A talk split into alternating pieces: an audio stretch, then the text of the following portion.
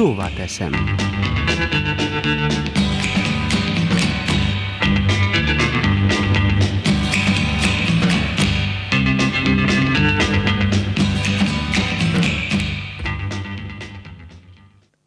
Ha az egész világ ugyan nem is, de Európa nyugati fele minden bizonyal felkapta a fejét május közepén a hírre, hogy egy kartszárnyú delfin, amit gyilkos bálnának, orkának is hívnak, a Lamans csatornából beúszott a szajna torkolatán keresztül a folyóba, és árral szemben úszva halad azon felfelé. A biológusok, bálna és óceánkutatók is meglepődtek a szokatlan jelenségen, hiszen az emlős nem szokott az édes vízhez, és a már megdőlt uszonyából is következtetni lehetett, hogy nem teljesen egészséges. Nagy feladat várt az állatmentőkre, miként tereljék vissza az óceánba a több tonnás állatot. A történet jelképességének erejére akkor döbbentem rá, amikor Franz Mesaric, a két évvel ezelőtt elhunyt muraszombati festőművész lendvai kiállításának finisszázsán belépve a zsinagógába, az Orka című festménnyel találtam szemben magam. Már magának a képnek a mérete is meghaladja az átlagost, érzékeltetve a vízből kiemelkedő lény méretét, amely az ő tetető kész felé löki ki magát. Láttunk már ilyen pillanatot akvaparkokban, de ha máshol nem, hát népszerű hollywoodi produkcióban mindenképpen.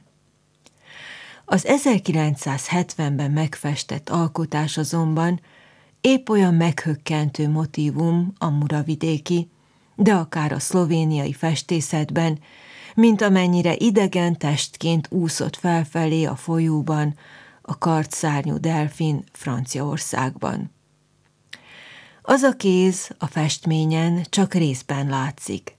A csíkos anyagból készült ruhaújja azonban, mint mondják, rosszat sejtett a művészet jelképvilágában. Mégis ettől a kéztől függ ennek a feltételezhetően fogva tartott emlősnek az élete.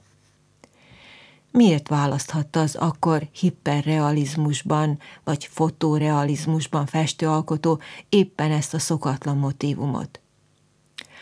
Tény az, hogy a DHML festőcsoport tagjaként merész változásokat hozott a vidékre, s hogy ezzel a tájtól idegen élőlény megfestésével jóval többet akart üzenni a vidám parkok nyújtotta élmény megidézésénél. Most ez az orka ötven évre rá beúszott az édes vízbe, s ahogyan az uszonya, úgy a hírek is hol itt, holott tűntek fel arról, miért is hagyhatta el természetes életterét, merre tart, és miként lehetne visszaterelni az óceánba. Olvastam arról is, hogy leszakadhatott a csordától, s hogy majd drón segítségével az anyja hangját utánozva vezetik vissza a torkolatig. Aztán azt is olvastam, hogy beteg, ezért veszítette el tájékozódási készségét. A legutóbbi hír viszont már arról szólt, hogy szenvedett, és elaltatták.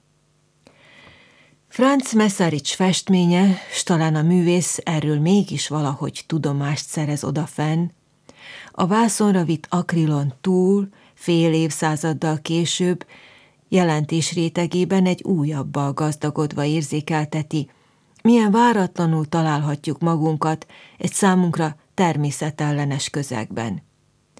Művészetének nagysága azonban éppen ebben rejlik, erősíti meg dr. Robert Inhoff egyik róla írt tanulmányában, hogy a magány és a szorongás mellett megnyugvást is sugal.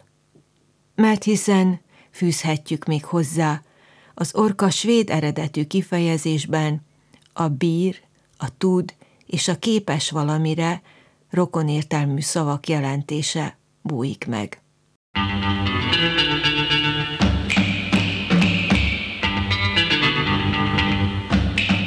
Szóval teszem.